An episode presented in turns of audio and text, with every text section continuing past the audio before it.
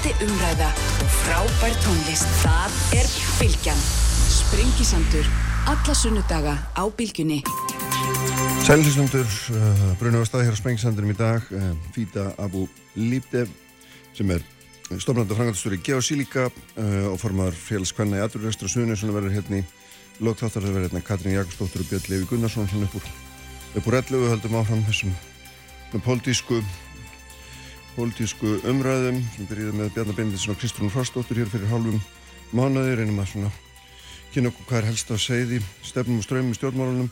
Uh, Gurun Hafsinsdóttir verður hér dómsmálur áþara eftir fjöllum þá um nýja ákverðun kæri nefndar útlendingamála sem að hefur uh, sennlegast mjög mikil áhrif í þessum viðkomið málaflokki sem eru sem er sá sem að varðar þá sem hinga koma til þess að leita alltjóðleiri vend en hjá mér er Áskil Brynja Torvarsson fyrsti gestur, sætla blessaður Áskil, velkomin Góðan daginn.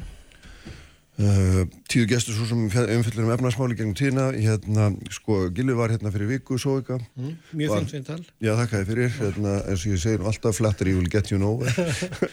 En hérna, eh, sko eh, þar vorum við að fjalla um húsnæðismarkaðinu þetta meðal annars og þessa, þessa fyrirsjánlegu svo kvöldu snjóhengju þar að segja þegar að fastvaksta tíumilju líkur og, og hérna og, og, og fólk þarf að fara á breytilega vesti, það fara yfir í verðri lán og og fyrir sjáanlegt er að greiðslubyrði annarkvort stóreikst eða þá að eignamyndun verður lítileg eins og hún hefur lengi verið og, hérna, og menn heldur að þessi verðtrið lán menn herði sögun til en Já. nú er það nú virðist nú annars verið einnig hvernig með þetta þúsastöðum Já, ég, sko ég var mjög sammála gilfa á all flestu leiti mm. en það var eiginlega sko, já, eitt atriði sem ég kem að sem ég vil staldra við hjá hann en, en til að metta stöðuna sko, ef maður greinir þetta svona eins og þú líst þessu þið fóruð yfir síðast að mm. þá er eins og að e, þetta hafi bara verið svona tveggjar og tilraun með að reyna að fara af verðtryggðum húsnæðisvöxtum hérna með overtræða vexti mm. og að nú sé hagfræðinga stjættin bara búin að viðkjanna að svo tilraun hafi mistryggist og við verðum að hverfa aftur á tíma verðbúðarinnar og verðtryggingarinnar og, og bara að við neyðumst tilbaka þangað inn og mm -hmm. uh, auðvitað er fjöldi fólk sem neyðist þangað núna vegna þess að, að það getur ekki borgað af uh, lánunum sem eru að losna uh, úr overtriðu vakstunum en sko þá vil ég að mann staldra þess við býtu en þessi verðbólka eða verðtrygging er hvorugt einhvers konar náttúrulegumál mm -hmm. eða náttúruhamfarir þetta er er hér vegna aðgerða í efnaðsmálum og ef, ef við berum okkur saman við bara löndin í kring að þá eru sko all flestir selabankanir ennþá með neikvæða stýrivexti þar sé að stýrivextin eru undir verðbólkunni Já. við erum komið með á tölvert yfir Já. og erum samt með einna mestu verðbólkuna og erum að stefni núna í næstu hækkuna farið tveggjast af stýrivextatölu þau fáu Evróplönd sem eru komin með jákvæða stýrivext eins og við, þar að segja stýrivextin er, er orðnir hærri heldur en verðbólgan, eru það vegna þess að verðbólgan er komin niður fyrir 2-3-4% mm -hmm. Danmörk til dæmis spátt uh, nú er ja, efni í langan þáttu ekki þetta efni hvernig mismöndi verðbólgar er mismöndi verðbólgar mismöndi Evróplöndun til mhm. dæmis, mm -hmm. en það var greipið til mismunandi aðgerða, alls konar tilrauna starfi gert hér eftir COVID og eftir stríð. Spáttnotaði eh, hámarksverð og nöðsynavörur, sosialík stjórn þar, eh, hægri stjórnin á Ítalíu setur á bankaskatt, eh, hægri stjórnin í Svíð og þeir búin að setja á eh, aukinn skatt á efstu tekið tíundunar, lækkan skatt á legstu tekið tíundar. Þannig að óháð stjórnarfari hægri minsti er verið að gera allskins hluti til að bregast við það sem að kalla lífskjara krísa sem kom vegna verðbruku toppsins. Mm. Við hér verðumst allt og mikið trúa á annars vegar já, hinn hin ofursterka eignarétt fjármakseganda á krónum sem ekki meir írna og þær eigi að vera verðtriðar og hins vegar ofur trú á það þá einföldu kenningu, það sé ein kenning en ekki margar á baku verðbruku og það sé eitt tóli að tæki sem Sælabankin hef urð til að bregðast við verðbólku sem sé stýrivakstæðinir og, og það, já, ef við skoðum bara árangurinn og reynsluna, þá mm -hmm. er það ekki að ganga vel uh, að lækka verðbólkun með hækkun stýrivaksta og uh, þar að við gerum við að mæla vísitölun okkar öðruvísin Európa-lönd, þannig að sko við erum með innbyðan kvata í að mm -hmm. uh, húsnæðisliðurinn er svo stór inn í hópa og þá erum við kannski núna að vona vegna þess að húsnæðismarkaðin sé farin að kóluna og raunleika, þó hann sé ekki að nafnleika, mm. að þá hjálpi það til að koma niður, en verðbúkan er bara á svo breiðum grunni, hún á svo mörgum þáttum og, og hérna, og við verðum að sleppa í því að fara út í gengi líka, en, en sko mér finnst það sem að, svo ég komið að því, ég viðtalin hjá Gilva, það sem að var eina sem ég hrópaði á viðtækið því ég var að hlusta á okkur, var bara neigilvi, sko, þegar hann sagði, já, útskýrði nokkuð vel að vegna þess að vextir hefur verið neikvæð sístu þrjú ár og, og húsnæðisegandur hefðu e, fengið e, mjög hagstaða vexti já. að þá væri núna komið að skuldadögum já, já, og, fjármakssegandur væri að fá tilbaka tapið sér og, og þá bendi ég á það eru búin að vera neikvæða vextir í mjög mörgum erfurbúrlöndum í mjög langan tíma stóran part af tímabilinu frá 2008 eh, því það er nú 15 ára ammali var fyrir þeim viku með þeirri í næstu viku á, mm. á þeim efnaðas eh, viðburðum og, og húsnæðisverði hefur hækkað mjög mikið í svona borgum út af þeim neikvæðu mm -hmm. raunvöxtum en ég held að í hvaða öðru landi sem er það sem að, að hérna, yfirvöld myndu segja já þið fenguð eh, það er svo gott síðustu 2-3 ár, nú þurfum við að borga fjármaksengandi tilbaka því að þeir töpuð á að lána ykkur og neikvæðum vöxtum. Mm. Sko þessi sömu fjármaksengandur fengu hér, og þetta eru lífeyrsjónur okkar, en, en bara ég nota uh. nafnið, fjármaks, þeir sem eiga penningana, uh. eh, að þeir fengu 23-33% ávöxtun í fyrra og hitti fyrra, þó þeir hafi verið með neikvæð ávöxtun á ríkiskuldabrjöfum og, og, og, og lánum í, í húsnæðislán. Mm og ætla núna að fara að leggja það á húsnæðisengundur að borga sko premju, borga refsigjald ofan á hvaða kostar að fjármagnu húsnæðilunum í dag. Er já, eins og menn séu bara kynnt upp í hérna einhvers konar ræðilegar aðgerðir mm, En það sem er vest við þetta er náttúrulega þetta er allt sama fólki sem á húsnæði og er sérna, á penningan lífsjólum þannig að þannig Já, já, en sko þannig að segja aftur, lífeyrssjónir eru búin að vera að hafa mjög háa ávöxtunum mm. öðrum löndum virkar það þannig? Og að, að neikvæðir eh, neikvæða ávöxtun á mest treyðu eignunum, ríkiskuldar ég meina Þíska ríki að búið með neikvæða ávöxtun á ríkiskuldar sennilega tíu af sístu 15 árum. Þú veist, að, að því að þeir, þeir sem eru í þeim vandrað með eiga penning eh, leita að mismunandi leiðum meiri áhættu, meiri ávostun, öryggi, minni ávostun, besta öryggi, þýskríki skuldabrjöf, mm -hmm. þú ert til í að borga fyrir það, þú krefst ekki þess að fá ávostun á það. Og eins er með húsnæðislam, þetta er það sem fólk hættir síðast að borga, þetta er lægsta ávostun á kránásu, hún hefur verið neikvað á ákveðnum tímabilum, ákveðnum svæðum, vegna mismunandi efnaðstrenginga og ég er bara að benda á að það að ætla núna þegar við erum enna berjast við verðbólguna hér, miklu meiri verðbólguna ennulönd. Við erum að fara inn í kjærasamningsvetur og, og við erum með fyrir sjánlegt einhver þúsund heimili. Ég veit ekki hver mörg.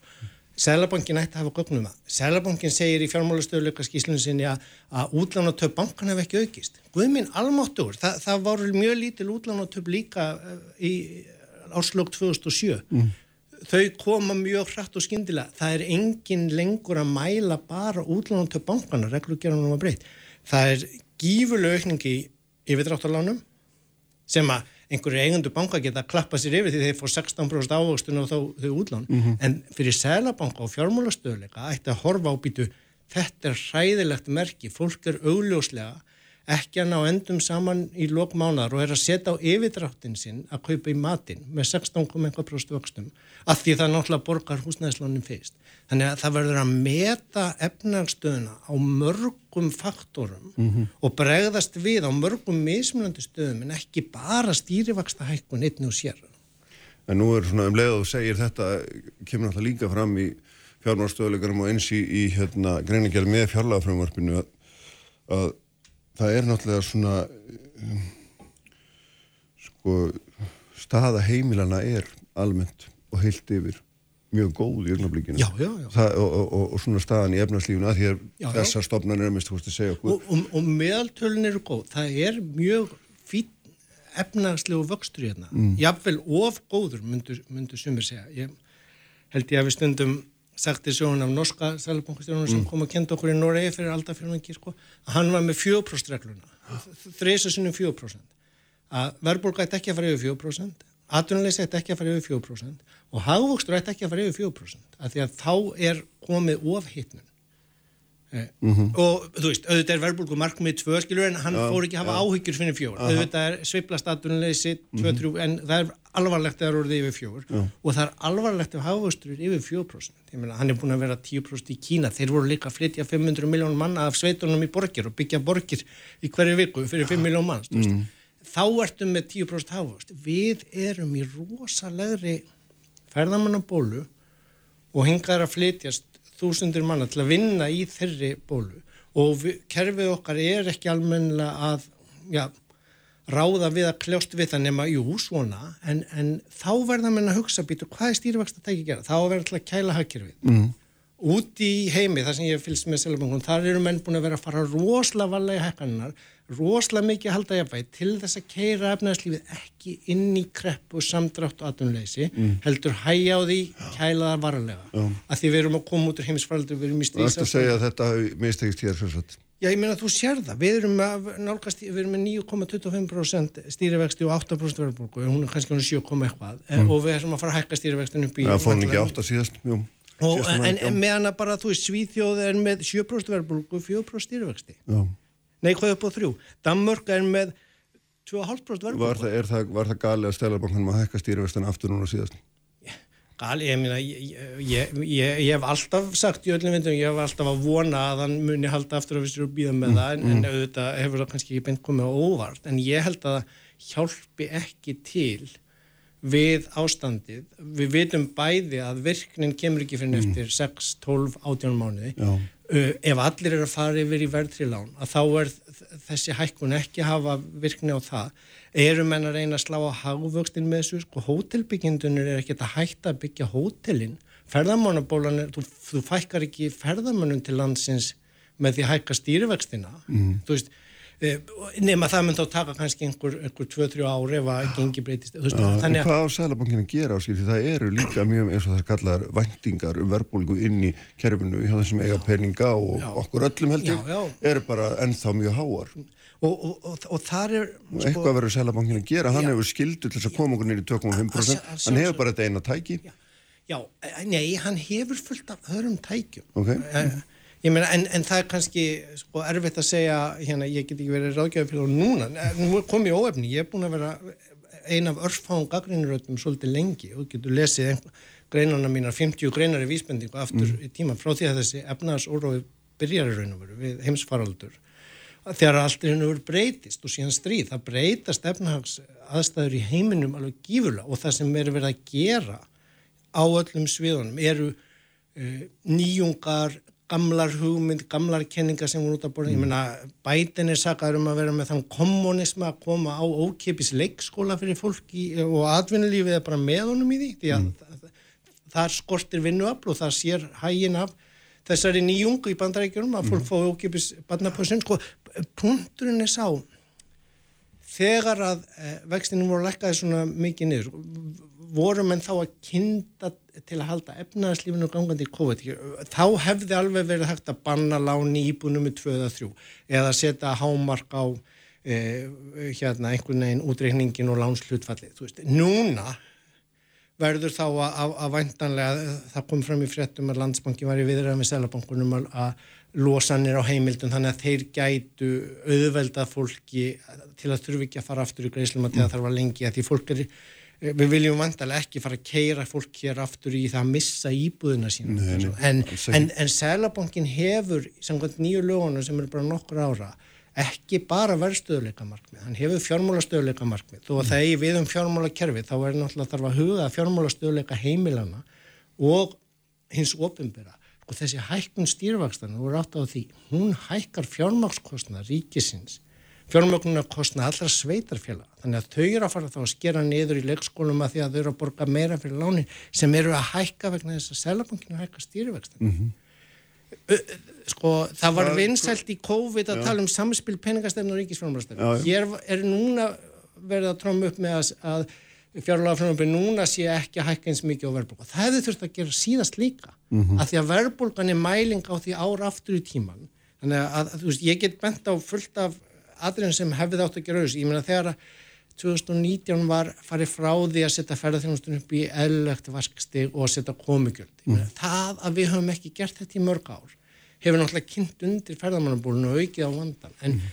að kæla efnarslífið, það er hægt að gera það með fleiri aðgjörum en bara hægt stýrivexti. Já, það er hérna, en, en sko, við erum það sem við erum og við getum hort tilbaka og sagt að hefða átt að gera þetta og hefða átt að gera hitt, en það sem við erum, við erum það sem við erum og Já. við erum horfumst í augum við það sem að það sem að hérna, þau áhrif á einhver heimili, maður veit ekki hversu mörg þessu nefnir þessar breytingar mm. munu hafa og, hérna, og einhverjar hugmyndir hafa munu það er að fara einhverja leiðir í því að milda Já. þetta högg annað en bara hérna, en, en að þvinga menn bara í, í, í hérna, breytingar á lánaskilmúlum og þá þarf náttúrulega bæði að, að sko hugað því sérstætt en það er líka þetta að gera það almennt bara við, við sko margföldum vakstabótakerfið tímabundið meðan að verbulgan er svona mikil mm -hmm. þá er þetta skrifað inn í bara þegar verbulgan komið nýri 5% að þá mingi, þú veist að hafa sólalags ákvæði, menn með það hugsa svolítið kreatíft en ekki bara út frá eins og þetta hefur verið gert síðustu 20 ár ég meina vakstabætur í Svíðjóð er ótekjutengdar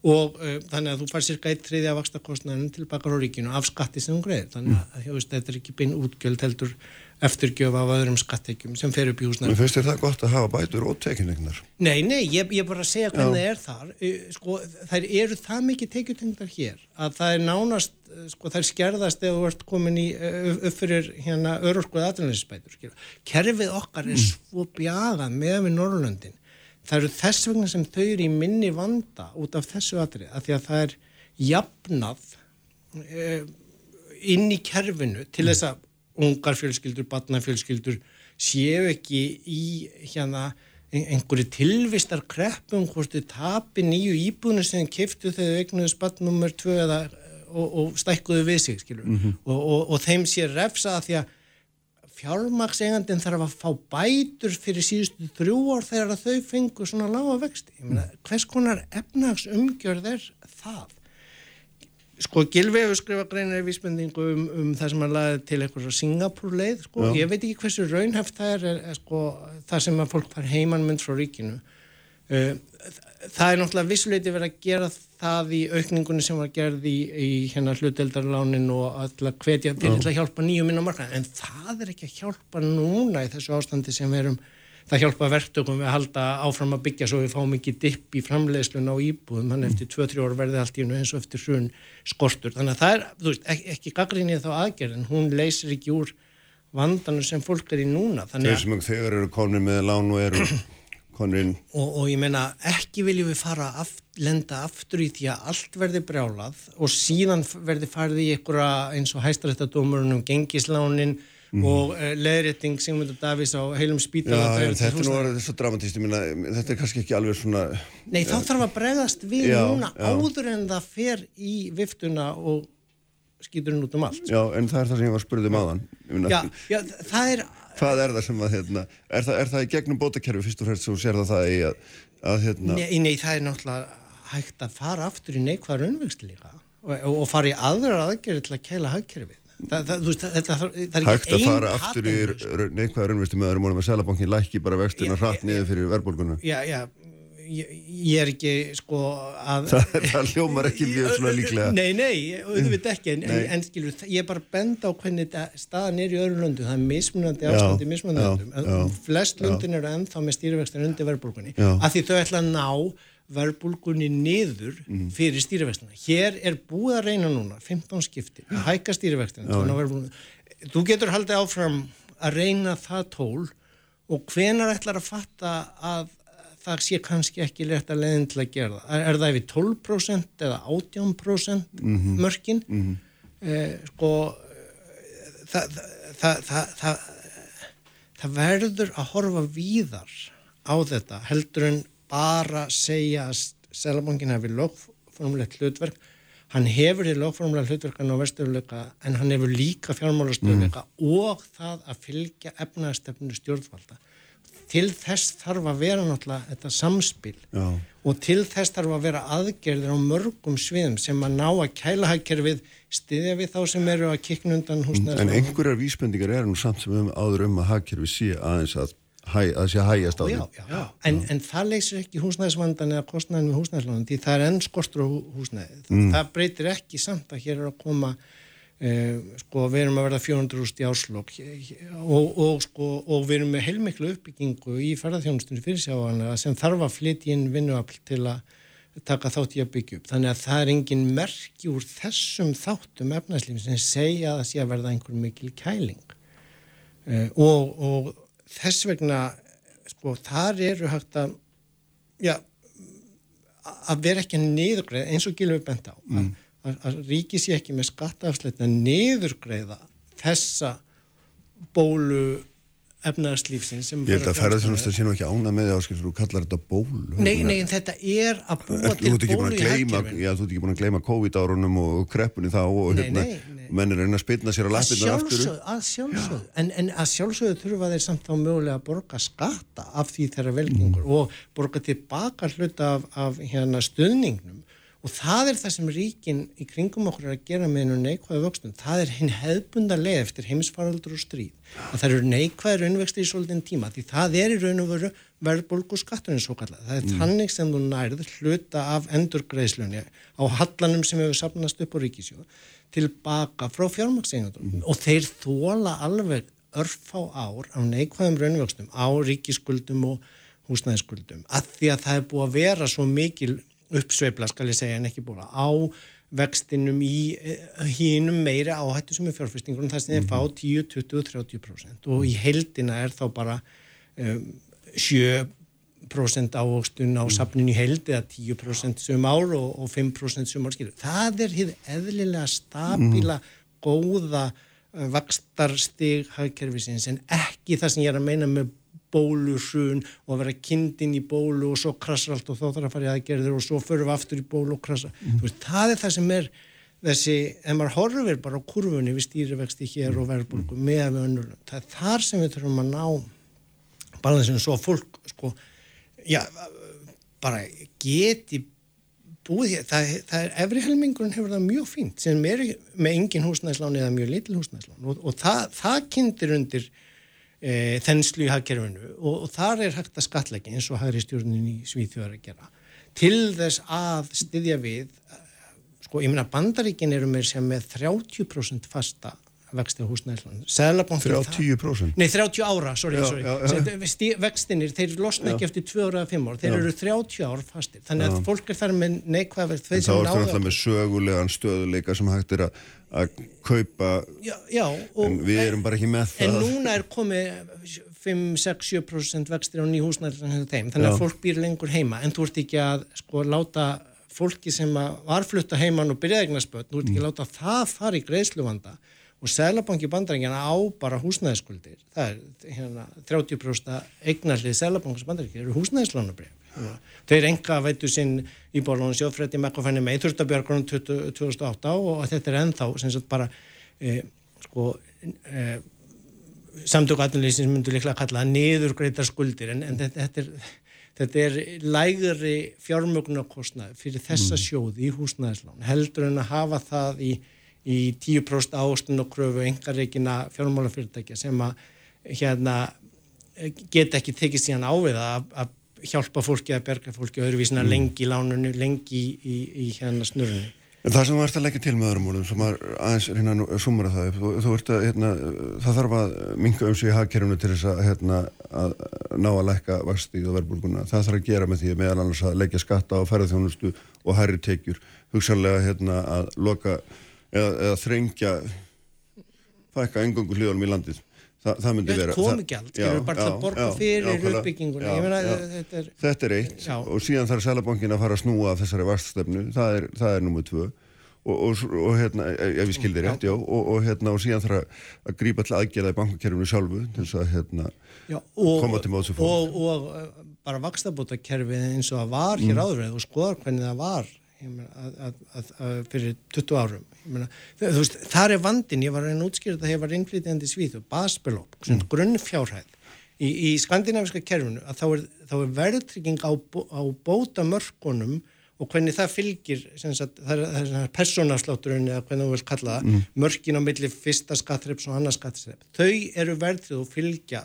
Þannig að það er alltaf sami hópurinn. Hér höfum við verið með skattskrið þannig að ef þú hérna, mentar þú að fara hær í laun eða þú bara færði í kjærasamningum hær í laun fyrir skóringavinnuna að þá fylgja öll mörg bóta og, og aðlunleysisbóta, mm -hmm. húsnæðisbóta, vakstabóta, batnabóta og þannig að þau eru verðtriðu upp en, en síðan eru ver, skuldinnar ekki verðtriða. Við erum með alveg öfugt, við erum verðtriðum skuldinnar þannig að fólk þarf að borga meira og meira fyrir húsnæðislónin sín en, en öll mörgin á vakstabótum og að þau eru óverðtrið þannig að, að, að það eru færri og færri sem að sitja eftir í því að geta nýtt þau kerfi.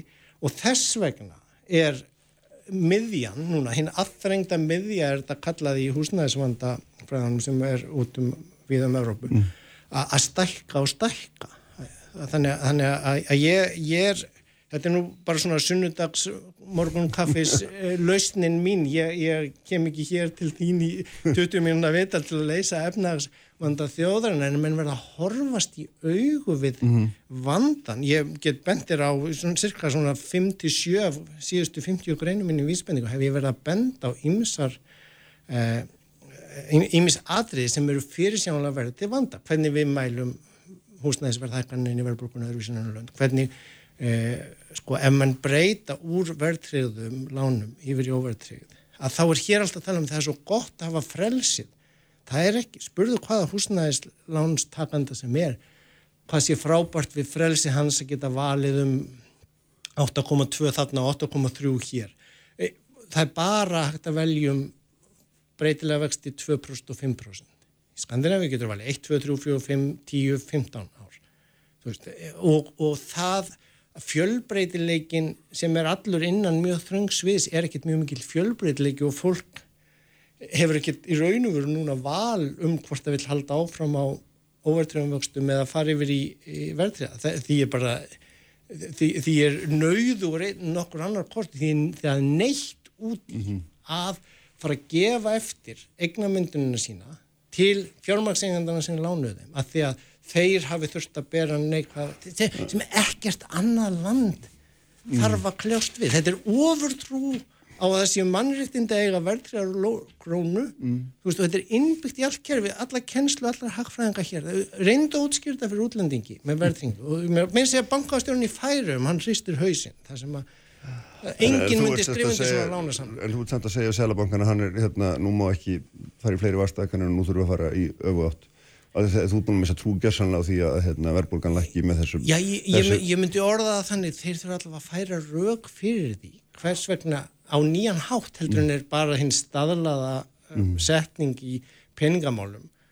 Sko verðbólgan er búin að fara upp við verðum þar með að halda áfram að hækka sko, ég, ég, ég vil heyra hagfræðilegan debatt og raugraði um það býttu nú við, hvernig stendur á því að og, og sko þeir eru alveg í þeim debattum millir Svíþjóður og Danmarkur ég meina af hverju er Svíþjóð með 2,5% verðbólgu og, og Svíþjóð með 7% Danmörk með sína krónu pekkaði vefru en, uh -huh. en, mhm. en þar er orði jákvæðir önvextin en þeir eru miklu lagri, stýrvextin eru þrjú og hálf mhm. -huh. Svíðan eru konið með stýrvextin sín upp í fjögur en þeir eru ekki komið með stýrvextin sín upp í átta þá verður bara konið sín sjö ja, þannig að, að, að, að mér finnst bara Það er náttúrulega minni er það ekki, hér, já, jú, jú. Er það ekki megin skýringin á því að við erum með svona háa stýrvexti að vöxturinn hefur verið svo mikill þannig að við erum í öðru umhverfi Já, já, en þá segir sko er stýrvaksta tól Sælabankans eina leiðin til að slá á þenslu í hagkerfunu mm -hmm. og á að keira hér eh, efnaðarslífi þá í, í þeirri ferðamanna uppsveiflu fyrir ekki, hérna, ekki bólu í, í þeirri uppsveiflu á, á, á að keira niður þá uppbyggingu með stýrivaksta hækkunum sem mun kosta einhver þúsund heimili. Mm eða er hægt að ræða þetta á aðeins svona efnahagsstýringarlegri grunni og þess að bendi á þriði aðri í lögunum um selabankars. Hann á að fylgja efnahagsstöfnu stjórnvalda og stöðla fjármálastöðleika og náverðstöðleika. Ljómandi. Herri, bestu þakkir Áskir, þetta var hérna ítalegt og gott. Uh, Guðrún Hafsastóttir, dónsmálar á þeirra er hérna hjá mér eftir augnablík. Uppspretta frétta á Sprengisandi á bylgunni. Sprengisandur á bylgjunni. Sælir afturlustundur, uh, Áskip Brynja Torvarsson farin frá mér hér eftir hessilega yfirferð og gaggrinni á stýrivasta hækkanir Sælabankan, seldi mér sér óhætt að fullir það og, og svona ákvæmlega eftir fleiri efnaðsækjunum til þess að, að milda það fall sem, eða milda það hag sem hugsanlegt er og spyrir sjónlegt fyrir marga sem eru með húsnæðismrón uh, hér í lokþátt ætlar að kíkja til mín Fýta Abu Líptið sem er formaðið félags kvenna félags kvenna í aðrunuröstur og suðunessum stofnandi Geosílika uh, og Þau verða hérna Katrín Jakobsdóttir og Björn Levi Gunnarsson eftir en sestir hjá mér Guðrún Hafsteinsdóttir, dómsmálar á þeirra særu blessu, velkomin. Góðan dag. Uh, sko það er nú ótt að segja að þessum stöttatíma sem það verið dómsmálar á þeirra nú eitt mál sem verið sérstaklega í brennendepli sem er auðvitað þessi innflýðanda mál ef við kallaða það, fólk sem hér hefur verið að, að sækist eftir alþjóðleiri vend og, og nú kemur auðvitað fyrir helgina niðurstaða kærnemdar útlendingamála um sem að staðfesti mat útlendingastofnunar varandi sinni, þetta er nú langur hérna hrjöldi, hafa þetta rétt, varandi sinni á viðbóta vend fyrir ríkisborgara Venezuela og þetta er yfir áhrifan 1500 mann sem að þurfa nú vantarlega bara taka hatt sinn og staða að fara heim. Já, ef ég skildi rétt. Það eru meiri líkur en minni að Já. svo sé.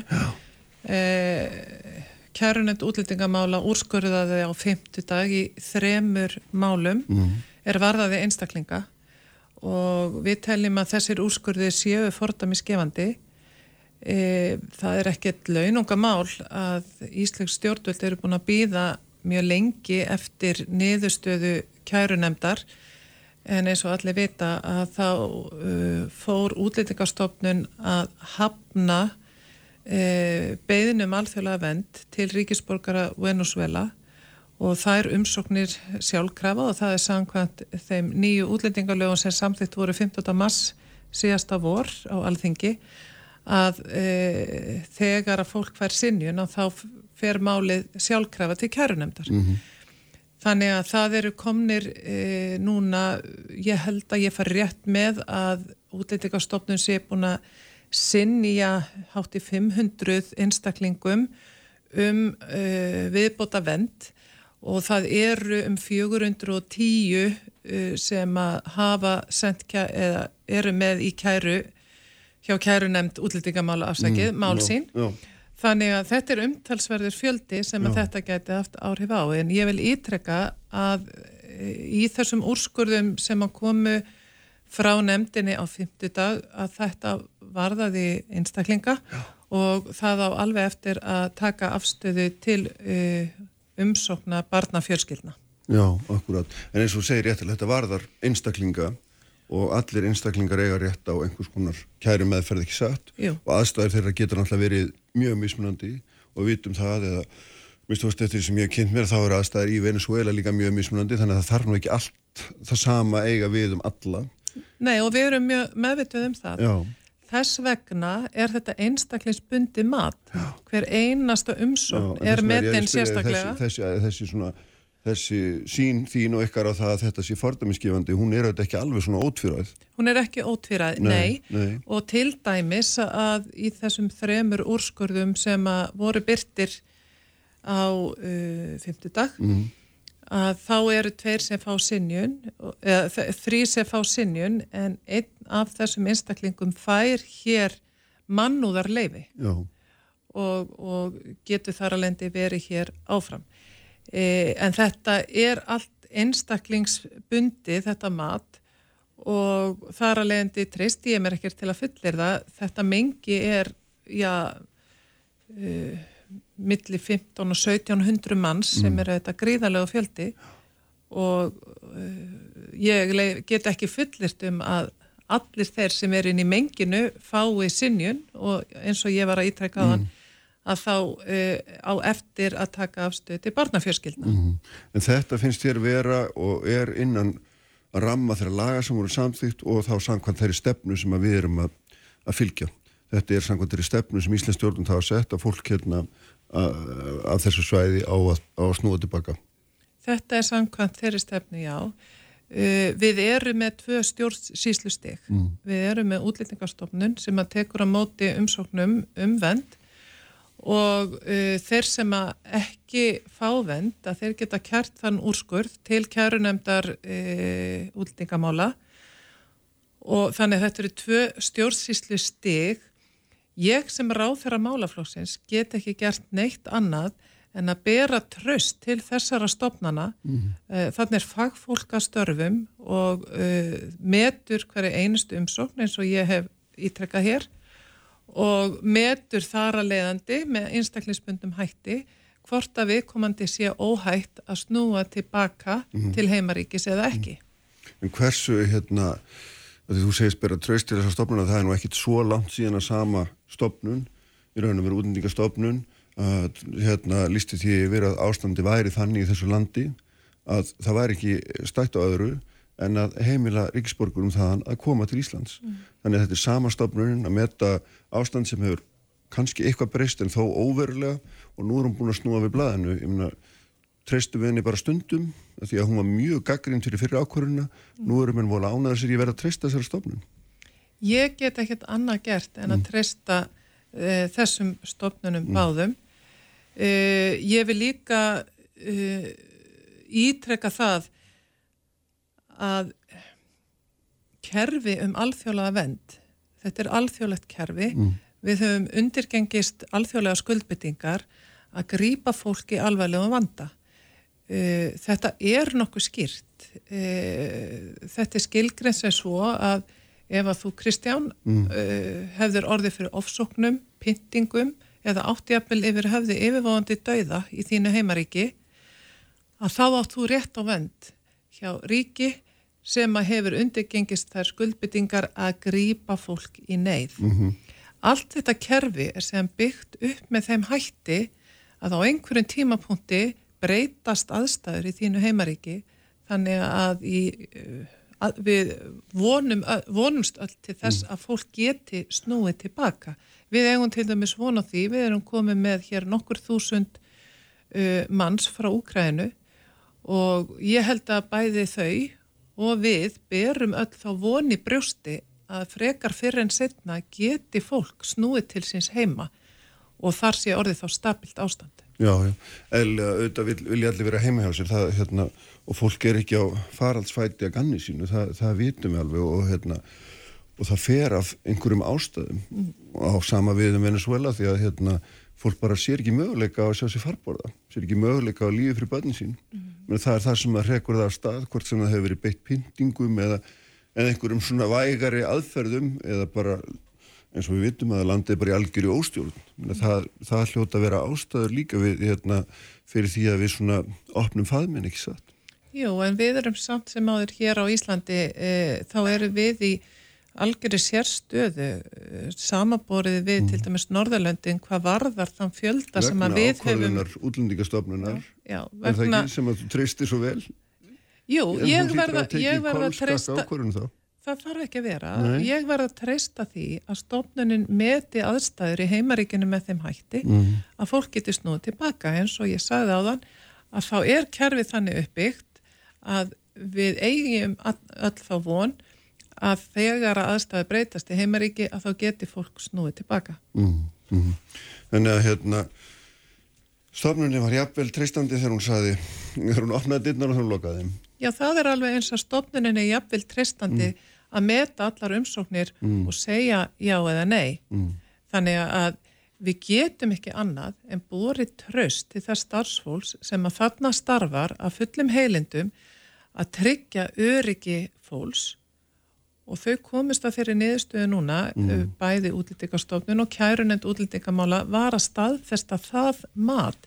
Það eru tvær stofnanir núna búin að mm. fara yfir e, ástandið í Venezuela og metur stöðuna svo að fólk geti snúið tilbaka. Mm. Hins vegar ger ég mér alveg fyllilega grein fyrir því að efnaðslegar að, að aðstæður í landinu eru um margt ólíkar heldur en hér hjá okkur.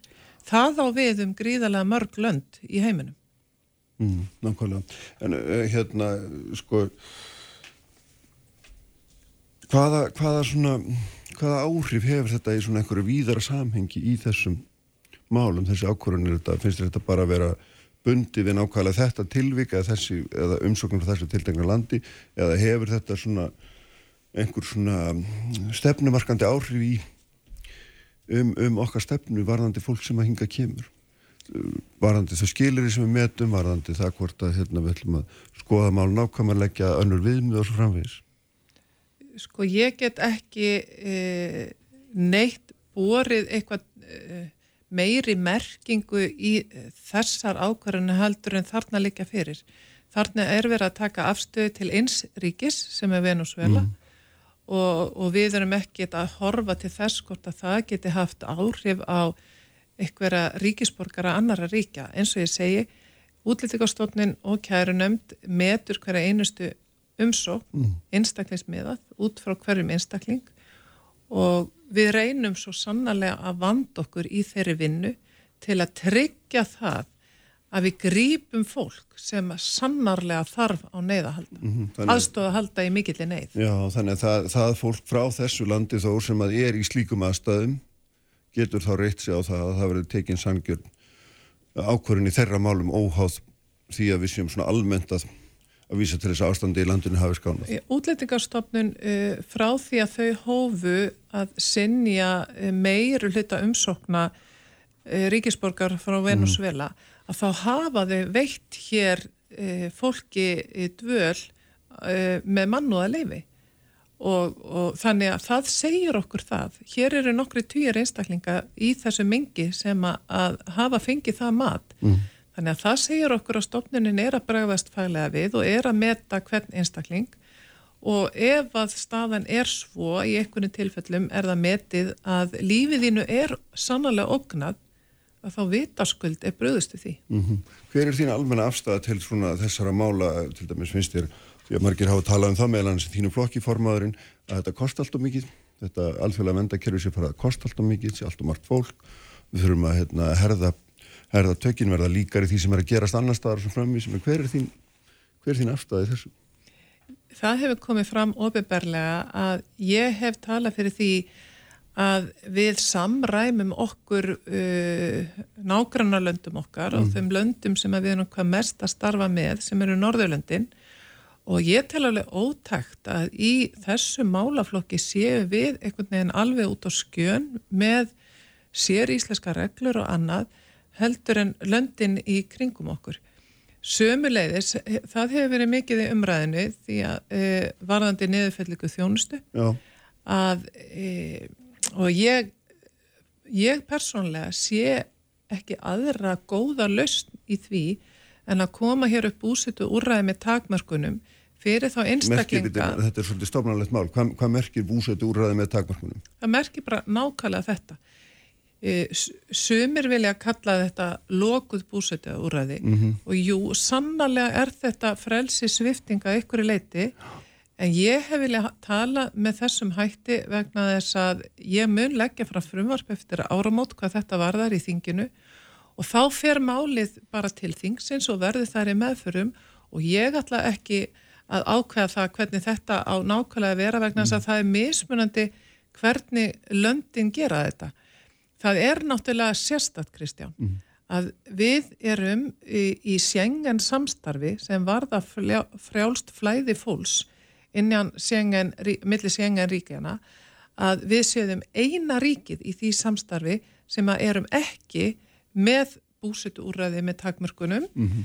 uh, og þar að leiðandi þegar að fólk fær sinjun hér á landi er í ólögmættri dvöl á Íslandi þá mm er það í ólögmættri dvöl innan sjengen mm og að, við, að það geti þá farið hérðan og, og til annara sjengaríkja er bara uh, það er ekki hægt, það er óæsattalegt vegna samningsins sem er okkur á milli. Við erum að tala þarna um þetta fólk sem, er, að tala um fólk sem hefur fengið endanlega sinnun. Endanlega sinnun. Og búið er að segja við það því miður, þú getur ekki verið hér lengur og, og hérna, þá tekur gildi þetta 30 daga ákveð ekki og það er það fólk sem að hérna, uh, þarf að, að gera sér að góða að vera þessu takmarkaða búsetu úrraði með öðrum orðum, það er lokað inn í þanga til að skilri ekki finnast. Það er mismunandi eins og ég sagði, það, í einhverju löndum er þetta alveg lokað. Í einhverju löndum er það þannig að fólk getur farið út á okkunni tímum og þarf að koma styrna sig inn og út. Og í sumur löndum er það þannig að þú þarf að vera með öklaband eða eitthvað slíkt. Þannig að þetta eru hálgerðir fangar og skilorði, við getum orðað þannig. Ekki fangar. Nei, en þó. mátt- Nei, en það er ákveðin frelsis skerðing. Viðkomandi einstaklingur er hér í amtstöðu við íslensku lög. Mhm. Hann hefur fengið neitun um búsettu og Mhm. dvöl á Íslandi og getur þar að leiðandi ekki verið hér. Og, og En ef hann getur ekkert farið, hann hefur ekki skilríki ákverki heima, ákverki neitt heima ríki til að fara til, eins og er um fjölda fólks í miður, sko. Hvað gerum við þá? sko, ég hef verið alveg skýr með það að e, Íslensk stjórnvöld aðstofa hvern einasta einstakling til farsallar heimfarar. E, ef að e, aðstæður eru þannig, við Íslensk stjórnvöld, ef að viðkomandi einstaklingur er tilbúin til að vinna með okkur, þá gerum við allt sem í okkar valdistendur til að aðstofa viðkomandi og í því ferli tryggjum við fólki örugt húsnaði og fæði uppihald á meðan. E, ef að það er hig á hinum endanum að, að heimar ekki vill ekki taka við þér sem eru dæmi um það eru frá dæmi um það. Já, þá hefur það ekki þá er ekki við þann einstakling að sakast, mm Mhm, skilur mig.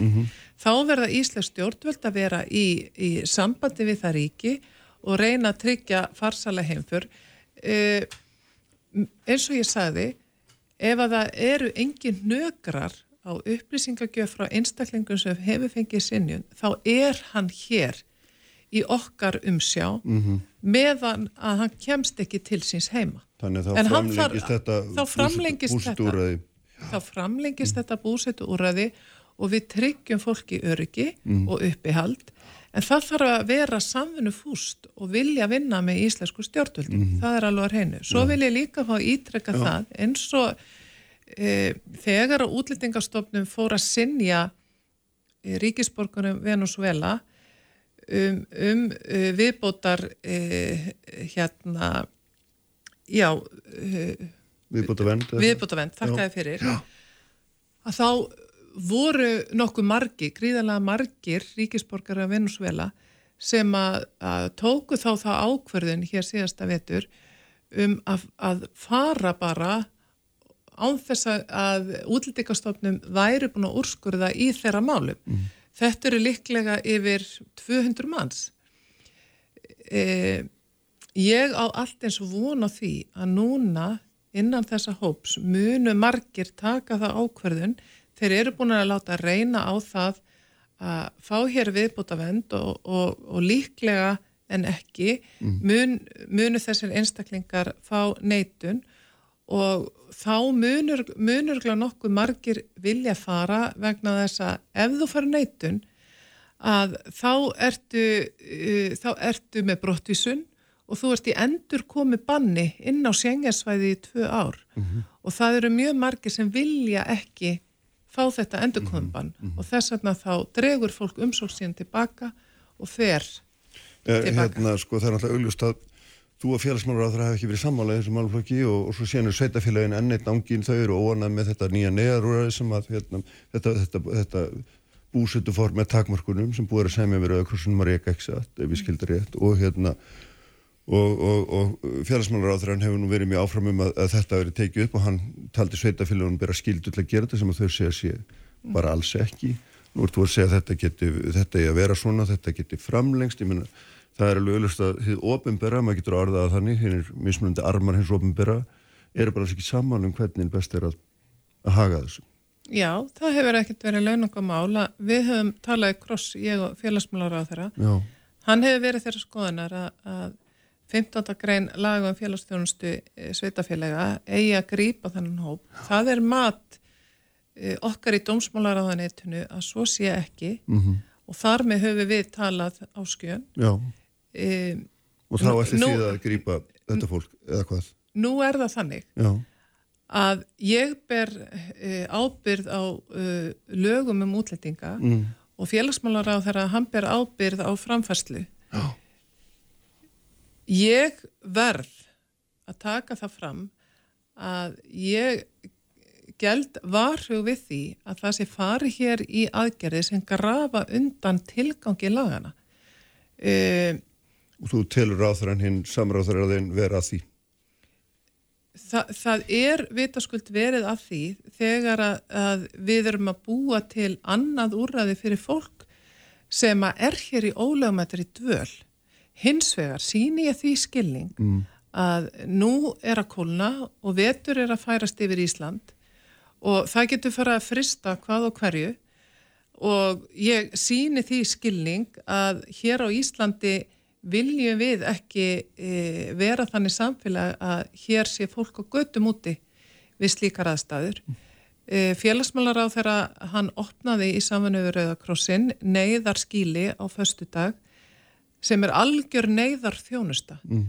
E, þarna getur fólk komið, það getur skrási inn klukkan 5 á daginn það fær kvöldverð, það fær betta til að sofa á yfir nóttina og það fær morgumverð og verður að fara út klukkan tíu. Það er engin framfarsla önnur, mm. það, það er, fólk fær enga vasapenninga en eitt slíkt, þannig að þetta er algjör lámastjónusta, það sem að félagsmjölar á þeirra er núna búin að semja við Rauðakrossi núna yfir vetrar mánuðina. Mm. Hins vegar ítrekka ég það að eina varanlega lausnin er að koma upp búsetu úrræði með takmörkunum. Svo langar mér líka að fá að svara því því ég gerði það ekki áður þegar mm. varst að tala um kostnaðin í kjærfinu. Nú er það svo að 2015 uh, kostaði málaflokkurinn íslenska skattgreðendur um 750 miljónir. Hann er núna uh, 8 árum setna að slá í millið 15 og 20 miljarda. Mm -hmm. uh, Með ákvæmlega sömu reiknaðferðum spyr ég nú að því að þetta eru Þetta er mikið breyting. Þetta er gríðarlega breyting og, og þetta er auðvitað, þú getur ekki, þetta er beitt kostnæður. Uh, við erum að tala um beitt kostnæður af þjónustu við. Já, hælisleitendur mm. og þá sem er að hinga að koma. Uh, við höfum þetta verið líka, við erum að reyna að ná meiri málsmeðfara hraða í kerfinni þannig að fólk dvelji ekki svona lengi inn í kerfinu og býði ofi lengi eftir niðurstöðu sinna mála. Og ég tel að það sé líka gott og nöðsilegt að hraða afgreifslega mála. En e, í tíð þessara ríkistjórnar á þessu sex árum þá hefur e, já erlendum ríkisborgurum hér fjölgað um 20.000 mm -hmm. og ef spárganga eftir á næstu fjórum árum mun okkur fjölgað um 20.000 það er heilt Reykjanesbæri eða heilt Akureyri e, það er gríðarlega krefjandi. Það þurfa að passa rögglega ekki saman þeim sem eru að leita að sér aðalþjóðlega vend og svo já. bara þeir sem eru að koma hér í öðrum ástæðum. Já, já, en Kristján, já. þú sér ef þú tekur árið 2022 og 2023 og þá eru, e, og ef að spárganga eftir, þar sem að eftir liði, liður, líður árs núna, að þá munum um 10.000 e, einstaklingar sækja hér um alþjóðlega vend á, á þessum tveimur árum. E, við höfum bara ekki einu svonni byggt húsnaði yfir 10.000 einstakla, einstaklinga núna hér í íslensku samfélagi. Við höfum ekki einu svona byggt húsnaði miða við þessa eðlilegu, náttúrulegu fjölgun þjóðarinnar. Þannig að það hlýtur hver maður að sjá að þetta er krefjandi og þegar að innviðar á þeirra kemur fram með frumvarp eins og hann gerði á síðasta vorþingi um að taka skipulasvald af sveitafélögum til þess að hægt sé að, að útbúa nánast hvaða húsnæði sem er ringin í kringu landið e, fyrir húsnæði fyrir hælisleitendur að þá held ég að við séum í óefni komið mm -hmm. og, og við verðum við verðum horfa til þess að þeir erlendur ríkisborgara sem hinga að koma til að lifa og starfa að þeir aðlægist íslensku samfélagi, Já. læri íslensku og, og hérna og öll samlögun gangi vel. Já, að sjálfsögðu, það er hérna grunnskýrið og, og það er auðvitað mörg dæmi þó við þurfum að fara að ljúka, auðvitað mörg dæmi það fólk sem hefur einmitt verið hérna lengi og aðlægast vel en það er núna að fara heim. Það eru dæmið það, já. Já, það eru mörg dæmið það. Og, hérna, en við eigum því miður líka dæmið það. Er það ekki óþarfa harka á okkar halvu? Fólk sem hefur aðlægast sér vel, er í vinnu, sér eins og sjálft en hefur komið upparunlega inn í flóttamannakerfið, fær svo þessa sinjun og bara sagt Jú, en við megum ekki blanda saman kerfum eins og þeirra sem komi hinga mm. bara á eigin vegum afsakið, Já. í leita vinnu Já. og svo þeim sem koma hingað og óska eftir vend íslenska stjórnvalda en hafa í raun ekki þurft á þessari mm. vend að halda heldur eru hér að leita að betra efnaðslegu lífi fyrir sjálfa, sig. Það fólk getur ekki komið gegnum vendakerfið. Það verður að finna sér annan farveg. Já. Það er svo sem margt sem hefur verið gaman að tala um við þig hérna í viðbútgórun en við verðum að hérna, verðum að láta þessu loki. Mér langar samt að segja við eitt hérna því að þú varst um daginn að þú eða segja frá því að þú ætlar að byggja nýtt fangilsi á Lillarhraunni fyrir 7 miljardar mm. sem er svolítið merkild að því ég held að við værum nýbúin að byggja fangilsi á Holmsiði til að leysa af fangilsi á Lillarhraunni. Nei, það var nefnilega ekki raunin. Við byggðum fangelsi á Holmseiði til að leysa af gæsluvarasfangelsið og skólaversti. Ja, það er gott betur en það. Já, en við líka aflöðum lögðum niður kvennafangilsi í Kópavogi. Þannig að e, fangelsi á Holmseiði er fyrst og síðast gæsluvarðalsfangelsi mm. en að því að e, nú eru sérstakki tímar í íslensku samfélagi. Við höfum aldrei áður verið með jafnmarkar konur í fangelsi eins og núna. Þær eru langflestar vistar á Holmseiði í harðlokuðu gæsluvarðalsfangelsi mm. og ég tel að stór hluti e, þeirra kvenna geti verið í opnu úræði. E, fangelsið á Holmseiði er fyrirmynda fangelsi byggt með e, e, þeir, þeim kröfum sem við gerum til og gerðar eru til fangelsa á Vesturlöndum í dag.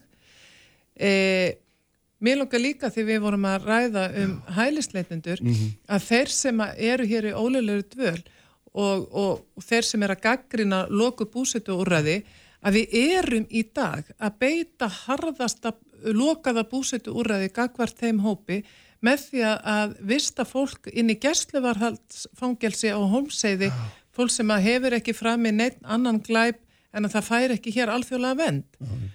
En ástandið á uh, Littlarhaun er langstasta fangelsi landsins, það eru öryggisfangelsi, e, það var uppálega byggt 1929 já, já, já, og, og húsakostur... En það er svo miskilningur hjá mér að þetta hafi með einhverjum hætti átt að koma í staðin. Já, því miður, það er miskilningur. Við þurfum að byggja nýtt fangelsi á Íslandi. Já, herðu, ljómandi, bestu þakki Guðrún fyrir komuna. Katrín Jakobsdóttir og Björn Levi Gunnarsson hér eftir rauniblik. Sprengisandur. Alla sunnudaga á bylgjunni. Sandur á bylgjunni.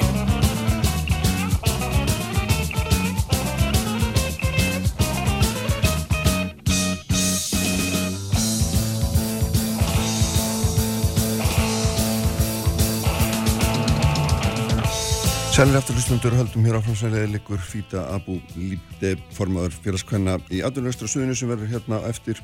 Guðlun Hafstinsdóttur auðvitað farin frá mér en þau eru sest hérna Katrin Jakobsdóttir fórsettisráðra Björn Levi Gunnarsson Þingmaður Pirata, sælu blessi bæði tvö, velkomin. Góðan daginn. Sko ég byrjaði hérna með Bjarnar fjármálráð þeirra og Efnags og, og Kristrúnu formann í samfélkingarina fyrir einhvern tömu vikum aðeins að ræða fjárlögin eða að segja þá pólitík sem byrtist í þeim frekar en tölutna sjálfar. Og langar aðeins að halda áfram að reyna kortleggja þessa línu sem við erum að, að takast á um í, í stjórnmálunum. Björn Levi hérna langar að byrja þegar hans að byrja. Hvaða pólitík er í fjárlagunum þínum að þið? Er hún einhver eða engin?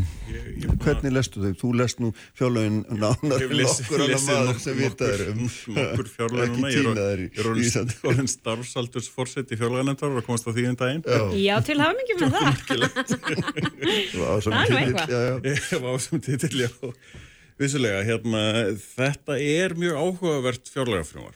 Hérna, það er pínu öðru sér stemning einhvern veginn yfir því heldur en, heldur en áður og eh, kannski fyrsta fjárlegafrjómarfi sem að, að fer í einhverja svona, já, aðhalds að er, er í mínus. Mm -hmm. og þá er ég ekki að tala um sko myndilið til COVID árana það sem var vissulega farið í mínus á þann hátt, en núna er ekki verið að, að, að leggja ín eina sérstakar svona áherslur. Það er svona alltaf smurt flatt yfir allt fjárlega frumarpið mm -hmm. og þá greinir maður ekki hvar pólitíkin er að gerast. Og það er eins og, og, svona, eins og við kláruðum í, í vor að þá einhvern veginn hljópar að stjórnin út og skildi öll málinn sem það var ekki búið að klára eftir. Og það var ekkit, það var ekkit til að semja um í þinglokasamningum sem er svona vennilega eitthvað. Það eru þetta mál og þetta mál og þetta er ekki náttúrulega gott, erum við að gera hitt og þetta betur að fjárlega frumvarpið endur speglast aldrei á þessu að áherslunar eru bara mjög ósynilegar og, og við erum með sem sagt stjórnvöld sem er að segja einhverja 17 miljard eða einhvern aðhaldspakka á sama tíma og uh, fjármálar á þeirra segir að ríkisfjármálinn hafi raunin engin áhrif á verðbólku þróuna hvort þið er. Mm. Þannig að annarkort eru að monta sig af því að vera að koma til móts í verðbólguna eða segja að það hafa engin áhrif og maður veit ekki hvort það er og þetta er svona, svona ja, við erum í 8% verðbólgu 9,25% stýrivöxtum Já. og ég bara, ég, ég áttam ekki á því af hverju það er ekki eitthvað meira að gerast í, í efnarsmálunum í hag, hagstjórninni Já. eins og hún leggur sig sko. Katrin, þú sagði náttúrulega í þinni stefnuræði að efnarsmálinn væri stærsta viðhómsefni og Já, hérna, já, já. þú hlýtur þá að vera þeirra skoðan að það sjáist í fjárlagafrumvarpinu og eitthvað hugmyndum hvað er raun að veru þið viljið og hvernig þið ætla að taka stáð þessa stöðu. Já, já, og sagði raunar líka í þessari sömu stefnur að, að það var algjörlega ljóst að ríkisfjármálinn ættu og séu að styðja við markmið Sælabankans í peningastefnu. Það er að segja til þess að ná verðbólgu markmiði. Og við erum að gera það með þessu 17 miljardar aðhaldi sem Björn Levi nefnir hérna. Við erum að gera það með aukinni tekjuöflun á komandi ári. Ganski það sem svona, ég held kannski að umræðan mótist að einhverju leitað því að þetta fjárlaga frumvarp eru þetta bara algjörlega anda þess sem við samþyktum í fjármála áallun í vor. Það eru ekki einhverjar óvantar kollsteipur frá samþyktir í fjármála áallun sem eru auðvitað þannig sem við viljum að þetta gangi, ekki satt. Uh, á mörgu leiti er alveg gríðanlega jákvæð teknolóft í efnaðasmálum og það byrtist auðvitað á frumjöfnunum sem er uh, nálagt 100 miljónum betri en áallar var við samþygt uh, fjárlaga 2023 í lók síðast árs. Það er mikill vöxtur, það er tölverð spenna, það er það sem við erum að eiga, það er viðfómsefnið Já, já. og hvernig erum við að taka á því? Jú, við erum að taka á því með því að uh, draga úr ríkisótgjöldum eins og ég nefndi og að afla aukina tekna með viðbútar tekjuskatt á fyrirtækin í landinu. Með uh, gerum ráð fyrir líka auknum álöfum og ferðarþjónustu hækkun á fiskjaldiskjaldi hækkun á veiðigjöldum inn í framtíðina í fjármálaáallin, þannig að þetta er auðvitað þetta er kunstinn, en á sama tíma þurfum við þetta að standa vörðum ákveðna þætti, menn á sama tíma við að tvöfalda framlög til stoppframlagi húsnæðismálum til þess að tryggja frambóð af húsnæði fyrir fólk, fólki í landinu og sérstaklega þau sem hérna, eru þá í tekju læri hópunum. Á sama tíma erum við þetta ebla húsnæði stunning og barnabætur og annað slíkt og fylgjast mjög grann með stöðu fólksins í landinu sem auðvitað finnur fyrir þessum síhækkandi vöxtum. Já, sjálfsögðu og hérna, langt og ídrætt viðtalum við að náskil Brynjar í morgun og, og fyrir, við gilfa soga fyrir viku um eitt nákvæmlega um þessa stöðu Já. sem að hérna er svona ágefni fyrir marga og, og hérna og Sælabankin alltaf kvartar yfir því syngt og heilagt að hann sé einn á þessari verðbólkuvakt og hafi verið allan tíman, hann er að hækka stýruvist í 15 sinum í röðu en það hefur bara ekki haft neinn sérstök áhrif á verðbólku, hún er ennþá hvað er hún, 8% samkvæmt síðustu mælingu? Samkvæmt síðustu mælingu hérna- sem reynda, sko, var svo sem búið að spá af spáaðilum en það já. fjall þarna út mjög hérna, lágmæling í ársmiðaltalinu þetta eru nú ákveðin vísitölu fræði á bakvið þetta. Jú, jú, en það er ímislegt sem er verðt að en hugsa. þetta eldir fjármagnið þannig að fræðin þau vísa einhverja leið, ekki satt? Já, ég meina það er ímislegt sem er verðt að hafa í huga þegar við ræðum eins í verðbólkumál. Ég meina til dæmis erum við að sjá hækkanir á mat, matarverði bæði innlend og erlendu Já. þrátt fyrir að gengið það verið að styrkjast. Þannig að þar uh, svona vakna ákveðna spurningar. Húsnæðisliðurinn uh, sem hefur verið nú sífa einsæll í Mm. umræðu mikið var rættum á sínum tíma ætti bara einfallega ekki heima í, í neysluvísitölunni. Uh, hann var tekinn til skoðunar uh, fyrir nokkrum árum, erfam árum og þá fengum við svona fremsta vísitölufræðing heimsins með okkur í lið sem skrifaði mikla skýslu og bent á að það mætti reikna hann öðruvísi út til að draga úr skamtíma sveiflum uh, á markaði á húsnæðisliðin í vísitölunar. Þetta voru við að ræða núna í þjóðasráði í vikunni og þetta er auðvitað eitthvað sem Hagstofan er að vinna sem okkar aðili sem fer með þessi mál. Þannig að það er ímislegt sem er, ég tel að sko megi taka til skoðunar í þessu núna. En Lilja Alfredsdóttir samráð þeirra þegar hún hefur sagt sko ítrekkað að það þurfa að grípa til sérstaklega efnarsáðgerða aðgerða til þess að hérna að dempa áhrifin þessari svo kvöldu snjóhengju. Áskil Brynja var einmitt að tala um þetta hérna líka á nefnda. Það sem hún hefur sagt er að þegar, sko ef við sjáum ekki þess að verðbólgu fara að fara niður og þar með skapist fórsendu fyrir lækkum vaksta þá þurfum við að horfa sérstakar aðgerir og það er þess vegna sem við erum að fylgjast svo grann með en sem komið er hafa vanskil ekki aukist og þau eru læri núna samkvæmt tölum Sælabankan sem þau voru fyrir faraldur sko. Já, já. Þannig að hérna, við erum að sjálfsögða að fylgjast mjög vel með þessu. og eru tilbúin með einhverja hugmyndur um aðgerði. Hvað segir þú Bjarli við að því þetta er hérna þessi krítiska staða sem að er hún, hún stefnir í að verða krítískari eftir því sem á líður og, og þetta er mjög áhugavert það sem að fórsæðisra að segja hérna um þess að jákvæðu þróun í hagkerfinu þegar að það er líka allar áðuruna betur í gangi einmitt um þróununa það stefni ekkert í að það sé ver- verði neitt rosalega jákvætt með til til uh, stýrivakstana og, og varbolgunar og, og fleira. Um, það sem að, að ég hef aðeins reynd að spyrja um, uh, til dæmis þegar Sælabankin kemur í, í fjárlaganemnd, er sem sagt, já, meðaltölun líta út fyrir að vera fín. um, heldar sagt skulda þróunin og sliðis lítur út að vera, vera fín. En það er aldrei líka því að bara íbúðaverð hefur hækkaði verði og allur þessi massi sem er þar kemur þá bara betur út í, í sagt, eigna á móti skuldastöðu. En hvar liggja sársökamarkinu? Hvernig eru þau að þróast? Eh, hvar er fólki sem er tiltölulega nýbúið að taka lán og áborganir af lánum eru að stökkbreytast rosalega hratt? Hvernig er þessi hópur að þróast og stækka og hvenar er henni bara svona krítisku massi sem að gera það verkum að það fyrir einhver spilaborg í gang? og það getur enginn svarað þessu það því er ekki verið að fylgjast með þessu því að þeir er ekki bara gögn til um þetta. Við fengum einhvern, einhvern svona handahófskenda greiningu varðandi fólk sem á með 600 krónur ráðstöðun tekjur eða eitthvað þýðinlít og maður er að að finna, nei, hva, hvar eru veikmarkin, hvar er fólk núna þú veist, í ráðstöðunatekju með að við skulda álagningu hvar er fólk á nullinu og, og undir? Það var ekki hægt að svara þeirri spurningu. Og það er, finnst mér mjög áhugavert þegar stjórnvöld segjast þeirra fylgja skrant með en eru ekki með þessar upplýsingar eða ef þeir eru, með þar er ekki að deila þeim með okkur hinum þannig að þú veist, meðaltönin fín og allt þetta það er af því að það eru margir sem hafa átt íbúði í þó nokkuð tíma og hafa upplifað núna á undanförnum ára mjög mikla hækkun á, á húsnæðinu og meðan skuldunar hafa nokkur neginn staðist að. Nú eru þær að fara að skrýða á stað aftur en það er löng leið þá getur við búin að ná upp í verðmæta hækkununa á húsnæðinu. Þannig að skulda á eignastæðin bara fín eins og er. Meðaltalinn þannig, þannig fín að þetta er stór hluti. En það er þessi hluti, það sem að sársökamörkin er, að- er að þokast hratt í það að fara umfram ráðstöðunartekjur Það er náttúrulega líka í þessu samingi ekki hægt að sleppa því að nefna að það er náttúrulega kjara samningar í haust. Ég veit, og eins og, fyrir eins og hérna áskrifinu nefndi, yfirdrátturinn var, er, að- er Já, að þróast já, hann, hann fullirti það. Já, já, nei, ég vil nú ekki kannast við annað en að það sé líka sko, miklar upplýsingar fyrir og það kom nú til að mynda heilmikið fram hjá Sælabankanum bara í síðustu viku um þessa stöðu sem hérna við vorum svo að ræða vettvangi þjóðasrást þannig að auðvitað erum við með upplýsingar auðvitað erum við líka í samtali við bankana um að fylgjast með þessari þróum aðskila við vitum líka að tekju lægsti hópurinn er sá sem er á legumarkaði það sem eru fjárlaganefnd 20 er búin að til vera að spyrja, af hverju fær hann þá ekki 25% upplýsingar? uh, 20-25% fólks á leigumarkaði. Og það er sá hópur sem er líka mjög viðkvæmi fyrir. Þar höfum við hins vegar séð auðvitað sem við meðum ekki gleyma rástufun að tekið hafa verið að hækka. Þannig að samhliða þannig að þetta er mjög viðkvæmt jafnvægi. En þú nefnir kjara samninga Kristján, þeir eru framöndan og það er þetta líka Ég meina það voru gerðir skamtíma samningar síðast og það var fullkomlega eðlilegt í ljósi svona óvissunar að því við erum búin að gangi gegnum alveg ótrúlega óvissur tíma í efnahagsmálum, fyrst faraldur, uh, þar sem hérna auðvitað sko er greipið til alveg gríðalega umfóksmikillar ástafana og svo Ukrænustríði sem hefur þessi áhrif á stöðunni í Evrópu sem gerir það að verkum að hluti verðbólkurunar er innfluttur sem er að einhverju leitið aldrei ný stað á Íslandi þar sem alltaf hefur verið svona uh, miklu meiri verðbólka en í löndunum sem við höfum borðið okkar saman við.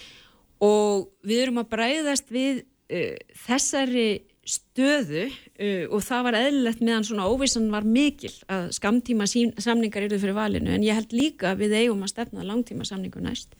Ég myndi telja að það lang farsalast í þetta snýst svo mikið með væntingar. Og verðbólgu væntingar, við sjáum að þær eru eitthvað til að hafa áhyggjur af.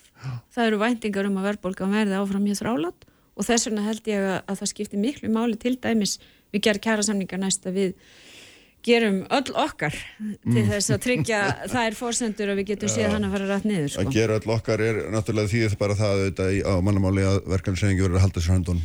Nei, ég er nú ekki að segja þá. Ég vil nú bara Nei. benda það að verkefælisrengin á Íslandi hefur náð ótrúlegum árangur og undanföldum árum til dæmis í að hækka laun tekju lægstu hópana og, og mér finnst kannski uh, þau ekki fá nægt kredit fyrir það í almennir umræðu. Þau hafa, þau hafa staðið með tekju lægstu hópunum eins og sérst bara þegar við skoðum launathróun í landinu Hvað á ég við þegar ég segi allir verða að gera sitt? Jú, ég held að því að allir verða að leggja tölvist á sig til að ná góðum kjærasamningum og ég held að stjórnvöld verði hér eftir sem hinga til að gera það sem fært er til þess að greiða fyrir samningum og þar held ég að húsnæðismálinn vegi langþingst.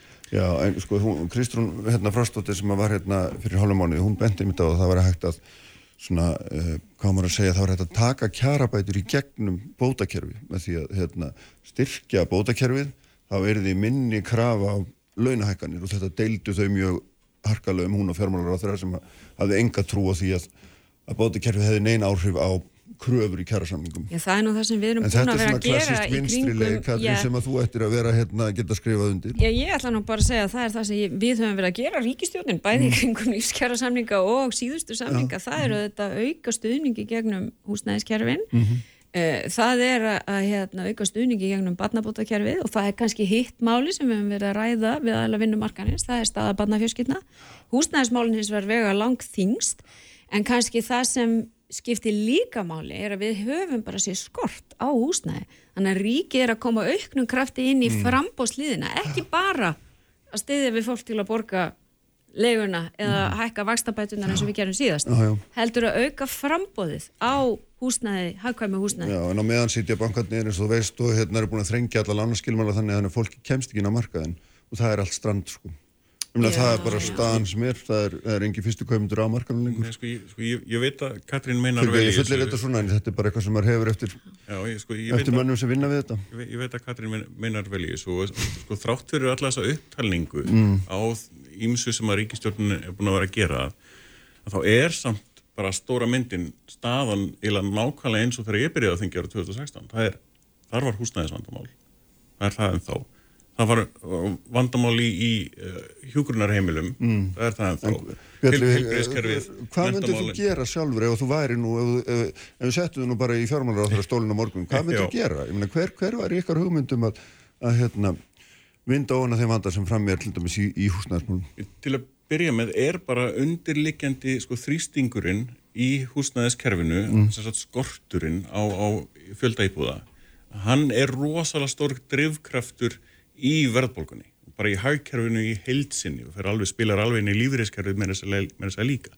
Katrin talaði hérna um innfluttu verðbólguna og Áskilbreyna talaði hérna um í morgun hvernig það, það, er einmitt fjölþáttan. Mm. Verðbólgan er stór, uh, margir þættir sem spila það er mismikið á, á mismundu tíma en gegnum gangandi er það húsnæðið.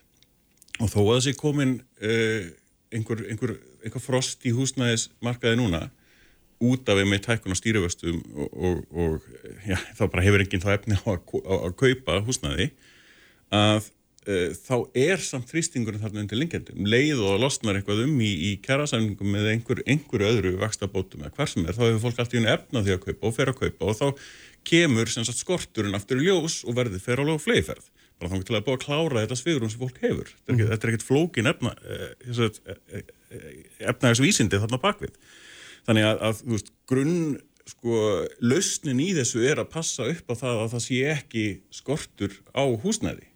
Bara nummer 1, 2 og 3 uh, hvar og hvernig og hver og að, að, að byggja er bara alltaf svona dýnamísk spurning. Uh, við erum að glíma við frumvart núna frá hérna, einveðar á þeirra um, um hlut, mögulegt hlutvall félagslegs húsnæðis. Og það er mjög gaman að skoða það, það er ekki sett lámörk en það er sett hámark sem að sveitafélagum meg, meg að hafa ég skil ekki okkur endilega setja hámark ég veit ekki okkur sveitafélagum meg ekki bara hafa sama hvaða hámark þau vilja og, og ennfremur okkur er hún ekki sett lámark því að það er rosalega mismönd að stafa milli, húsa, uh, milli sveitafélaga uh, hversu stort hlutvalla mm. félagslegu húsnaði er þar í, í gangi mm. ef við skoðum til dæmis borgir eins og Vín það sem eru 60% félagslegt húsnaði 80% þeirra sem að búa þar hafa eru geta fengið hérna, húsnaði uppfylla skilirði 80% það er rosalega, það er ekki húsnæðisvandamál þar. En þú veist, þetta er spurningu hvernig bregðast við við, við höfum lagt til til dæmis að minga skerðingar í, í sagt, svona, hjá þeim sem eru um lagstu framfæsluna og við erum bara al, almennt séð eru að tala um, um borgarálinn og, og, og, og þess þar af því að skerðingarna búið til fátæktegildur og það býr til þetta kerfi mm -hmm. sem við erum sífælt að hjakkast í að uh, kemast áfram uh, fellur aftur úr og já, við búum enn við fátækt. Það er rauninni bara grunn vandamáli þar og fátækt kostar. Við höfum lagt á hækkuna á fjármæstekjaskatti af því að það er gatar í skattakerfinu þar sem að fólk sem hefur aðstöðu til getur sloppið við að borga hátekjaskatt mm -hmm. og það er bara ósættanægt. Elst ætti að vera rauninni í svona útöpauðsku kerfi, hérna þá er þetta kannski ekki að sleppa því að, að, að borga tekjaskatti við leitt. Það hefur verið hugmynd svona annar staða frá það er rauninni að það fara allt í gegnum fjármagnslutninga hvernig er, hvernig er innheimt, þannig að fólk sé ekki borga rauninni af tíma sem það eigður af lífi sinu til að hafa ofan í sig á bara svona upp á það að gera með eitthvað sem ég bara er, nú fylgið þér ekki. Nei, þetta er, er pínu út, útópist kannski, en þetta, þetta er svona, þetta er svona grundvöldur í svona sem við kannski pælt í En hver- þetta eru- En- lengri svona framtíðarpælingar svona í Já, sjálfurkvæðingunni já, meira já. og, og þess það og ég meina við erum að, að spá En rosalega mikið í kjarnaði fyrir mig, kjarnaði fyrir mig munin á þér og, ríkstjórninni í einhverjum nokkrum setningum að þið nú Já, er búin að fara ég- að hinga og þanga með mig. Kjarnaði það. Ég er farið í rétt, en, en munurinn þarna á svona velsaldinu og, og, og svona vel, vegferðinni sem að Píratar hafa verið að tala um, það, sko, eins og Kristrún og Bjarni voru einnig síðast, voru að rífast um það hvernig það ætti að vera barnabóta, vakstabóta og alls konar kerfi. Já, Við tölum um það að veist, við erum öll sammála, þau voru meira þess að sammála um það að það ætti að vera ákveði velferðarkerfi, svona mm. Að en við viljum losna við skerðingarnar. -hmm. Þannig að það er hægt að hafa barnabætur og ymslegt svoleiðis, en skerðingarnar í því eru það sem að, að gera kerfið gallað. Það þarf stöðut að uppfæra og þá eru það pólitískar uppfæslur og búa til, þú veist, mismunandi tekið upp og fram og tilbaka og það er vandamál. Þetta er ekki eitthvað sem við höfum til dæmis í sum, eða sum Norrlöndunum, það sem það er eins og Svíþjóð, það er bara ekki tekjutenging á barnabótunum til dæmis. á barnabótunum en mörgu öðru. Á mörgu á öðru, mörgu öðru það, eru en- skerðingar þannig að þetta er ekki alveg einlitt þetta mynd eru sko. sem við viljum fara í því að hafa koma- þetta og það er nú kannski þetta með norranna velferðarkerfi það er nefnilega ekki alveg eitthvað eitt sko. En, en sko mér finnst bara í fyrsta lagi vil ég segja já það er skortur, það segir auðvitað sína sögu. Á undanfönnum árum hefur þriðjungur, alltaf þriðjungur nýra íbúða sem hefur verið byggður er byggður með aðkomu ríkisins það er að segja í gegnum stoppframlegin og hlutaldalánin það segir okkur það að það var mikil þörf á því að koma með skýra aðkomu hins ofinbera að þetta er ekki bara eitthvað mál fyrir markaðin til að leysa að tryggja hér frambóða húsnæði og ég vil meina það að svo stefnumótun sem hefur átt sér stað á vettvangi ríkistjónar sem innveðar á þeirra hefur svo fyllt eftir með gerð ramma samkomulag sem uppbyggingu íbúða sé svona einn stærstu skref sem hafi verið tekin í stefnumótun á húsnæðismarkað á Íslandi. Því það er algjörlega morgunljóst að við þurfum að hafa mjög svona skýrt, skýra félagslega stefnu. Björn Lefin nefnir svo hér Karlsberg ákvæði sem er nokkuð sem við höfum einmitt verið að vinna með sveitafélónum, með aðlum vinnumarkaðarins til að tryggja þessa blöndun í hverfum. Um, síðan er það stuðningurinn þar sem við höfum verið að bæti í þetta bæði húsnæðistuðning til leigjenda og eigenda en er líka til endurskoðunar því hann er mjög mismunandi, það er sérstakur húsnæðistuðningur og við höfum sveitafélag sem er mismunandi útferður og annað slíkt og þetta hefur verið til endurskoðunar og svo hefur við vona á frumvarp um réttastöðu leigjenda. En þar með er ekki sagt að allt gangi hér í gegn. mörgum árum eftir lífskjara samningana. Já, já, um, og hefur ímislegt verið lagt fram í þeim efnum og verið hérna flókin fæðing, það verður bara að segjast eins og er. Góðir hlutir eiga það til að gerast hægt í miður, það er mjög leðilegt fyrir stjórnmálamenn því kjörstímabilið er fjögur ár, en sko ég bara bendi á að hér eru við þetta eiga við mikla mannfjölgun bara, það er að fjölga fólki á Íslandi og húsnæðismarkarinn hefur ekki fyllt í eftir. Hér eru nefnt hjúgrunarheimili að þau hafi áforma hafi ekki gengið eftir. Við þurfum líka að horfa það að það er oft mjög flókið og hefur verið í fréttu núna að fjármunir sem hafi verið settir í það hafi ekki nýst að því það hefur dreigist að skipuleikja svæði til þess að byggja ný já. þannig að þetta er ekki bara, snýst ekki bara um hvað ríkið ákveður að gera og setur ég heldur líka hvað sveitafélagin gera. Við talandu lífskjærasanninga, ég menna við afhendum Kjeldnalandið 2019 í lífskjærarsanningum og þetta lítur bara vel út en það er árið 2023 þannig að sko vissulega að taka hlutin í tíma og ég ber algjörlega virðingu fyrir því að sveitafélagin þurfa tíma til þess að skipulegja en það er auðvitað það sem húsnæðismál snúast svo mikið um. Er- þetta er ekki bara framljóð ríkisins þetta er líka skipulagning, loðaframbóð og bara þetta almenna kerfi. Og við höfum vissulega séð sveiflur í, í fyrstu kaupum, harriðt og að sjálfsögður vaksta stíði núna ekki að gera þau mál. En er, byrju, er þetta semst núna húsnæðismálinn, það er bara aðal ástætningasteinin í íslenskum stjórnmálum? Nei, ég Eða- veit ekki einu sinni hvar hvort það er ástæðingastegn ég held að það sé hins vegar eru línurnar? það er alveg Já, að viðfangsefni, sjálfsögðu, það já, er það já. sem það er Já. ég vil líka segja um barnabætunar og þeim hefur við verið að breyta og það, þær breytingar eiga þetta rót í samtölum sem við hefum verið að eiga á vettvangi þjóðarsrás aftur við aðila vinnumarkaðinins, Mhm. við sveitafélögin og fleiri og barnafjölskyldur sem fá stuðning í gegnum það kerfi hefur verið að fjölga. Og ég sé fyrir mér að þetta séu fyrstu skrefin í því að breyta því kerfi uh, til hins betra. Og það eru margar kerfisbreytingar sem hefur verið að innlega bara varðandi samtíma greiðslur munin á því hvað sem miklu aldur barna og ráðum bætunar og annað slíkt. Þannig að ég held að við hefum verið að taka mörg óskref í þessu en ef ég hlusta eftir því sem er verið að segja af þeim sem er að fara að gera hér kjærasamninga þá er það húsnæðismálun og, og, og svona kjör barnafjölskyldna. Og það snýst ekki bara um barnabætur, það snýst bara um þá stöðu og það er alveg gríðarlega erfitt að hóla leikskólapláss. Gráttur við um lengt fæðingarálfið Stóru línunar sko síðutaldið ákveð það það er að gerast einhver skref þau gerast rosalega hægt. Svo hægt að skrefin orðin úreld þegar þau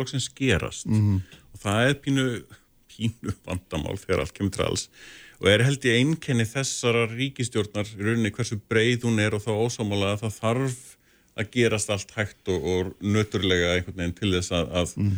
sannf, geta allir að sannfara hvort annað um að þetta sé kannski auðvitað eitthvað sem að þurfa að bregðast við en, en það gerist ekki fyrir allt allt og sent og sko ábyrðalesi líka í svo mörgum örum málflokkum bara tökum þú veist svona lindarhyggjuna eins með Lindakvól og Sölun og Íslandsbanka og sliðis, ég meina við erum í þeirri stöðu bara sama hvaða útlendingi ég segi þetta, að fjármálar á þeirra hafi selgt pappa sínum hluti ríkisbanka að, að, að þú veist sama hverjum Þessu þreytist þú ekki á Nei, auðvitað, af hverju ættu við að þreytast á því? Mm -hmm. Engin útlendingur skilur, skilur, skilur hvers vegna viðkomandi ráþæra er ennþá ráþæra mm.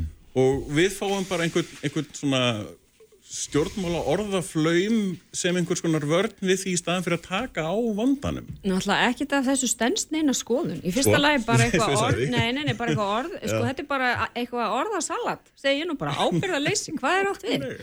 Orðasalat, segi ég, mm -hmm. að því hvað erum við búin að vera að gera? Jú, við erum, þessi ríkistjórn, alveg að hann tók við 2017 þá hefur verið alveg skýra línur um það hvar uppbyggingin ætti að sér stað, hvort sem það hefur verið í húsnæðismálum, það sem hafa verið tekinn stórskref, heilbriðismálum, við erum að taka stórskref núna í háskólamálum, svo dæmi sér tekið. Þannig að það hefur ekki vantað upp á mjög skýra línum það, alveg eins og við sögum upp að við, að við ætlum að byggja upp þessa grunn innviði. Þú veist, ég nefnist undan landsbítalan, því hann er bara svo áþreifanlegt dæmi fyrir okkur á höfuborgarsvæðinu sem var búið að deilum árum og áratugum saman og hver setti það að stað? Jú, jú, þessi, þessi ríkistjórn og fólk getur haft eh, skoðun á því, sko, það var búið að ræ, eh, sko, rífast um staðsetninguna árum saman. Svo kemur hér einhver fullir einhver leindarhyggju, hver byrti listanir með kaupundur í Íslandsmaka? Var það ekki fjármálur á þeirra? Jú. Það er ekki leindarhyggjunni þar fyrir að fara, eða hvað? Það var okkar krafa í raun og veru sem bankasíslan vildi ekki gera. Lindarkvól, sko ég segi það eins og hefur svo sem komið fram í svari held ég við spurningu frá Byrni Levi að ég segi full rauk til að byrta það það sem mér hefur fundist áhugaverðast í því eftir að það var byrt að það hefur ekki verið hávar hrópum það að þar hafi neitt sko komið fram sem breyti miklu í lindar nei, það verður ég nú bara að segja. Bara, hérna, ég, þetta, að, þetta er dæmið mitt um þetta stjórnmálatungum. nú verð ég að við verðum að hætta. Bestu það ekki bæðið tvö ég segi hérna. bara þakka þér og þakka ykkur. Takk, takk fyrir. Bestu það ekki fyrir að koma bæðið tvö. Takk fyrir. Og hérna við höldum áfram hér eftir ögnumlik Frettir þjóðmál og pólitík. Sprengisandur á bylgjunni Uppspretta frétta á Sprengisandi á bylgjunni. Sæli aftur hlustundur, þau eru farin fram með Katrín Jakobsdóttir og Björn Levi Gunnarsson, sestur hjá mér. Fýta Abu Lípti er þetta ekki sæmilegu frambörður? Jú, mjög flott. Já, eitthvað, sælublessuð Formaður hérna félagskvæni aðdunurrestur á Suðunisum og stopnandi og frangvandastýra Geosílíka þetta Þú erum komin tímin áður með maður eins rættum fyrirtækið og hérna og svona þennan drifkraft sem er í þér í varandi konur á Suðunisunum og nú eru þið hérna, þú ert að enna fara að stað með með fund og, og, og ráðstefn ekki satt í jú, til jú. þess að hérna, hleypa hleypa hérna kynsistrunum kapikinn mm -hmm. ekki satt? Jú, við erum mm. að halda landsbyðar ástefna FKA fyrir að finna í atvinnulífi og í þetta skipt erum bjóða Suðunessum mm -hmm. og verður rástefnan er 7. oktober og erum bjóða konur bara allstara að til að koma til okkar á Suðunessum -hmm. og yfirskrift rástefnunar er í kraftek fenna Já. og erum svona að endurspegla að sína kraftin sem býr í okkur á landsbyðina, sérstaklega á Suðunessum og svona uh, tingja betur landsbyðina við hína landslita. Já, já. Mark. Og finnst ykkur þessi kraftur vera vannmettin eða hvað? Já, mjög mikið, mjög já. mikið vannmettin og, og oft glemt landsbyðinar og allt að gerast í bænum og tengslaneta myndun er yfirlegt svona í erfiðari fyrir okkur að taka þátt í því Mhm. þannig í þetta skipti ákvæmum við að prófa að bjóða til okkur og sá uh, hvernig það verður og skráningin gengur rosalega vel og erum bara að fylla salin, hljóma höllin Mhm. verður haldið þar, mjög flotta fyrirlesarar og, og verður fjör eftir á og svo heimsóknir bláa lóni daginn eftir Já, þetta er svona klassíst dagskrá. Já. Já, akkurat og hvað, sko, það eru tvö ár síðan þið stopnuðu þetta þennan suðin þessi anga að félagi hvernig aðunaristri Já. og þú komst nú hérna til mín að því tilöfni hvernig hefur það breytt einhverju að, að hafa svona einhvern vettvang til þess að bera saman bækur og þess að þar Já, okkur fannst að uh, við, voru, við erum með sérþarfir á Suðurnesjum, svona öðruvísi hvernig samfélagi og ættum að vera með eigi félag þar sem endur spekla hver við erum og hvað við stendum fyrir og svona styrka, íta undir styrkleika hvenna á svæðinu. Mhm. Og við byrjum, við erum 20 konur, nú erum við í dag 70 konur sem Já. er í FKA Suðurnes og sívaksandi og við erum að svona halda fyrir lestrar í, í, í samræmi við það sem er að gerast í okkar samfélagi og svona að taka til okkar konur sem er mikið, þú veist, hátt hlutfall á suðunni sem er konur af erlendu uppruna Mhm. og við erum svona að passa að þær eru með og þær fá að segja sína skoðanir og eru svona included í öllu. er, er, er, er það svona það sem þú kallar sérstöðu þegar leitið til sérstöðu myndir við, er það ein af svona megin sérstöðum ykkar að, að, að þið eruð í raun og veru Já, margar af öðrum uppruna þú er náttúrulega sjálf palestínu já, ég er, maður, eins og maður kallar palestínu kona já, ég er fætt og alveg upp í Palestínu Já, en já. búin að vera smá tíma á Íslandi Jú, jú. þannig ég er ekki inni í þessi tölfræði. Við erum með svona 20 til 25% af uh, íbúum á Suðurnesum eru, eða á, í Reykjanesbær eru af eða með erlend ríkisborgarétt Mhm. þá þarf að segja ég ekki nei. en þetta er miklu meira fólk af erlendu uppruna sem eru á Suðurnesum og alveg margar konur, ég þekki það öruglega kallmenn líka en ég þekki betur til staða hvenna, hámendar er ekki að fá starf eða svona menturna sinni metna eru ekkert að fá ná eh, tækifæri og, og það er markmið okkur á FKA Suðurni sem er að svona varpa ljósi á þessari á, á konurnar og, og aðstóða þeim við að koma sér á framfæri. Já, og þetta félag hefur, er svona vettvangur til þess að að búa til þessa mynd þess að Já, bæði með að halda fyrirlestra svona fræðilega hluti og líka efla tingslanetið. já, Já. já, akkurat og gengur vel. Býru gengur mjög vel. Já, en það er alveg aðtökulsvert að hérna því að það er náttúrulega, og ég var náttúrulega að tala við dómsmálar á þeirra um innflytjendamálar, við reyndir ekki alveg svona en, en, en og hérna, og þú ert að nefna hvað er hátt hlutfall innflytjenda á suðunni og þú ert það náttúrulega sjálf. Og hérna, og það er svona hvernig finnst þér þessi umræða um innflytjendamál vera? Almennt tala svona, hérna, því að nú er mjög oft talað um einmitt að við þurfum að flytja inn mentað, eða bjóða mentuðu fólki til landsins til að fá vinnu, en þú ert nú að lýsa því hér að það sé fjölmargir mentaði sem fái það ekki raun og veru, en hvernig svona hvernig slæri þetta þig eftir þína döl hér og, og þína, hérna, þína reynslu af því að opna fyrirtæki og svo framvegis sko. Já, þetta er alltaf vond þegar þessi umræða, þetta er svona, kemur í bylgjur upp og nýður mm. og svo umleið og umræðinu umflýtjandur byrjar þá fæ ég smá svona, þetta er vond að heyra þetta aftur og aftur, Já. svona neikvæða rattir. Ég veit það er ekki allir og það er ekki sem betur fyrir flestir sem eru með svona neikvæða hugsun varandi innflýtjandamál en það er vond að heyra þetta og það er vond þegar svona ymmit, uh, ég ætla ekki nafna neinu nafni en þegar er verið að blanda saman flottamenn, innflýtendur, konur af verðlendu uppruna, Já. allt í sama eins og þessi, við erum öll alveg eins og hafa sömu þarfir og markmiðið okkur í lífinu er alveg eins og við þurfum hérna þetta á heitt. En út frá minni reynslu þá segi ég að þegar ég kem til Íslands landsíðan, Já. þá var veist, skortur á þjónustan og, og, og, og hérna eh, það, það er búið að vera að ræða íslensku kjensla, það er búið að vera að ræða atvinnutækifæri og framföru vinnu og allt það.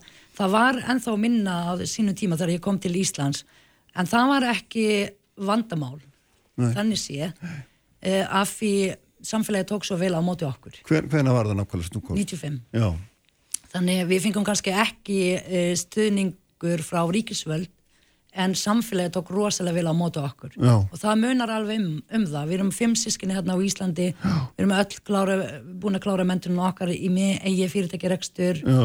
við erum öll að gera hluti og, og, og svona skila tilbaka til samfélagi.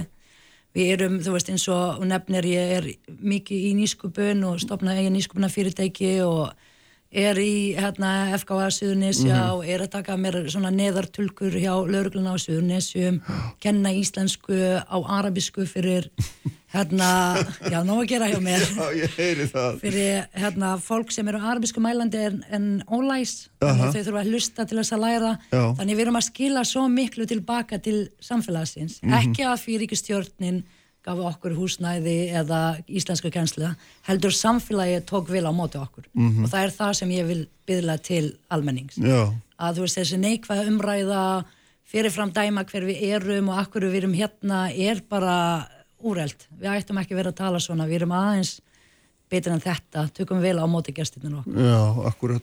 En er, eh, sko, að því að þú ert búin að, að þú ert í nýsköpun sem er oft bara mjög flókið að vera með nýsköpunum fyrirtæki, en svo ertu líka að segja okkur að það þarf að þjapa konum betur saman sem segir okkur að þær hafa kannski átt erfiðar uppdráttar í einmitt þessari gein, grein og svo ertu líka innflytandi, þannig að maður leggur þetta allt saman. Þá er þetta bara, hérna, eh, ég meina, er þetta ekki bara, þetta hafa verið ymsar hindranir, augljóslega, Jú. eða hvað? Jú, það er það og þess vegna er ég mikið að eyða að svona eyða orkuna tíma og fjármagn í að ebla konur. Mm -hmm. Því þetta var mjög erfitt og er ennþá erfitt til daginn í dag, þú veist að fara að vera með nýskupuna fyrirtæki, að koma eitthvað, eitthvað nýtt vera spróti, reyna fjármagna verkefni mitt og við tölum síðast um þegar ég var hjá þér um hérna, fjármagn til hvenna verkefni já. sem er ennþá mjög slæm. Já, en þetta er bara átt á einhverju degi en ég fæ alltaf og rástefnan okkar heitir í krafti kvenna Já. og ég fæ alltaf kraftur frá konurnar í kringum mig.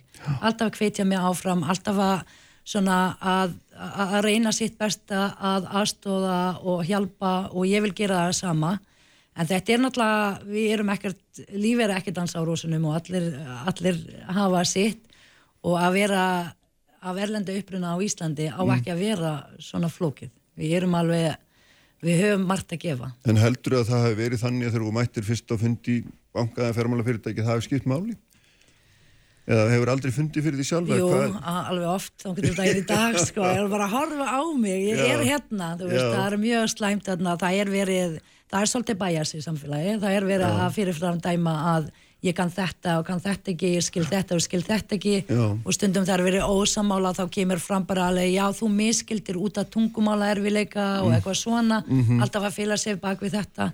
Og þessi microaggression sem er áftala um, þú veist, hvaðan ertu, hvað ertu búin að vera lengi, af hverju komst til Íslands, Já. svona fólk gefur sér rétt á því að að spyrja persónlega spurninga að því að ég lít svona út Aha. þú veist, maður vill ekki alveg bara En samt er þú ekki sérstaklega ólík okkur, sko, það eru margir miklu ólíkar okkur Já, þú. en þú veist, maður vill að þetta er svolítið óþægilegt, þú veist Kristján bara úti netto að vestla og það er bara þú með börnin þín og einhver alveg akkur komstu til Íslands, er það þú veist hérna, Já, svona spyrja persónlega spurninga í tíma og tíma og Já. allt það, það er svolítið hérna, þetta þetta breytist hægt eða hvað?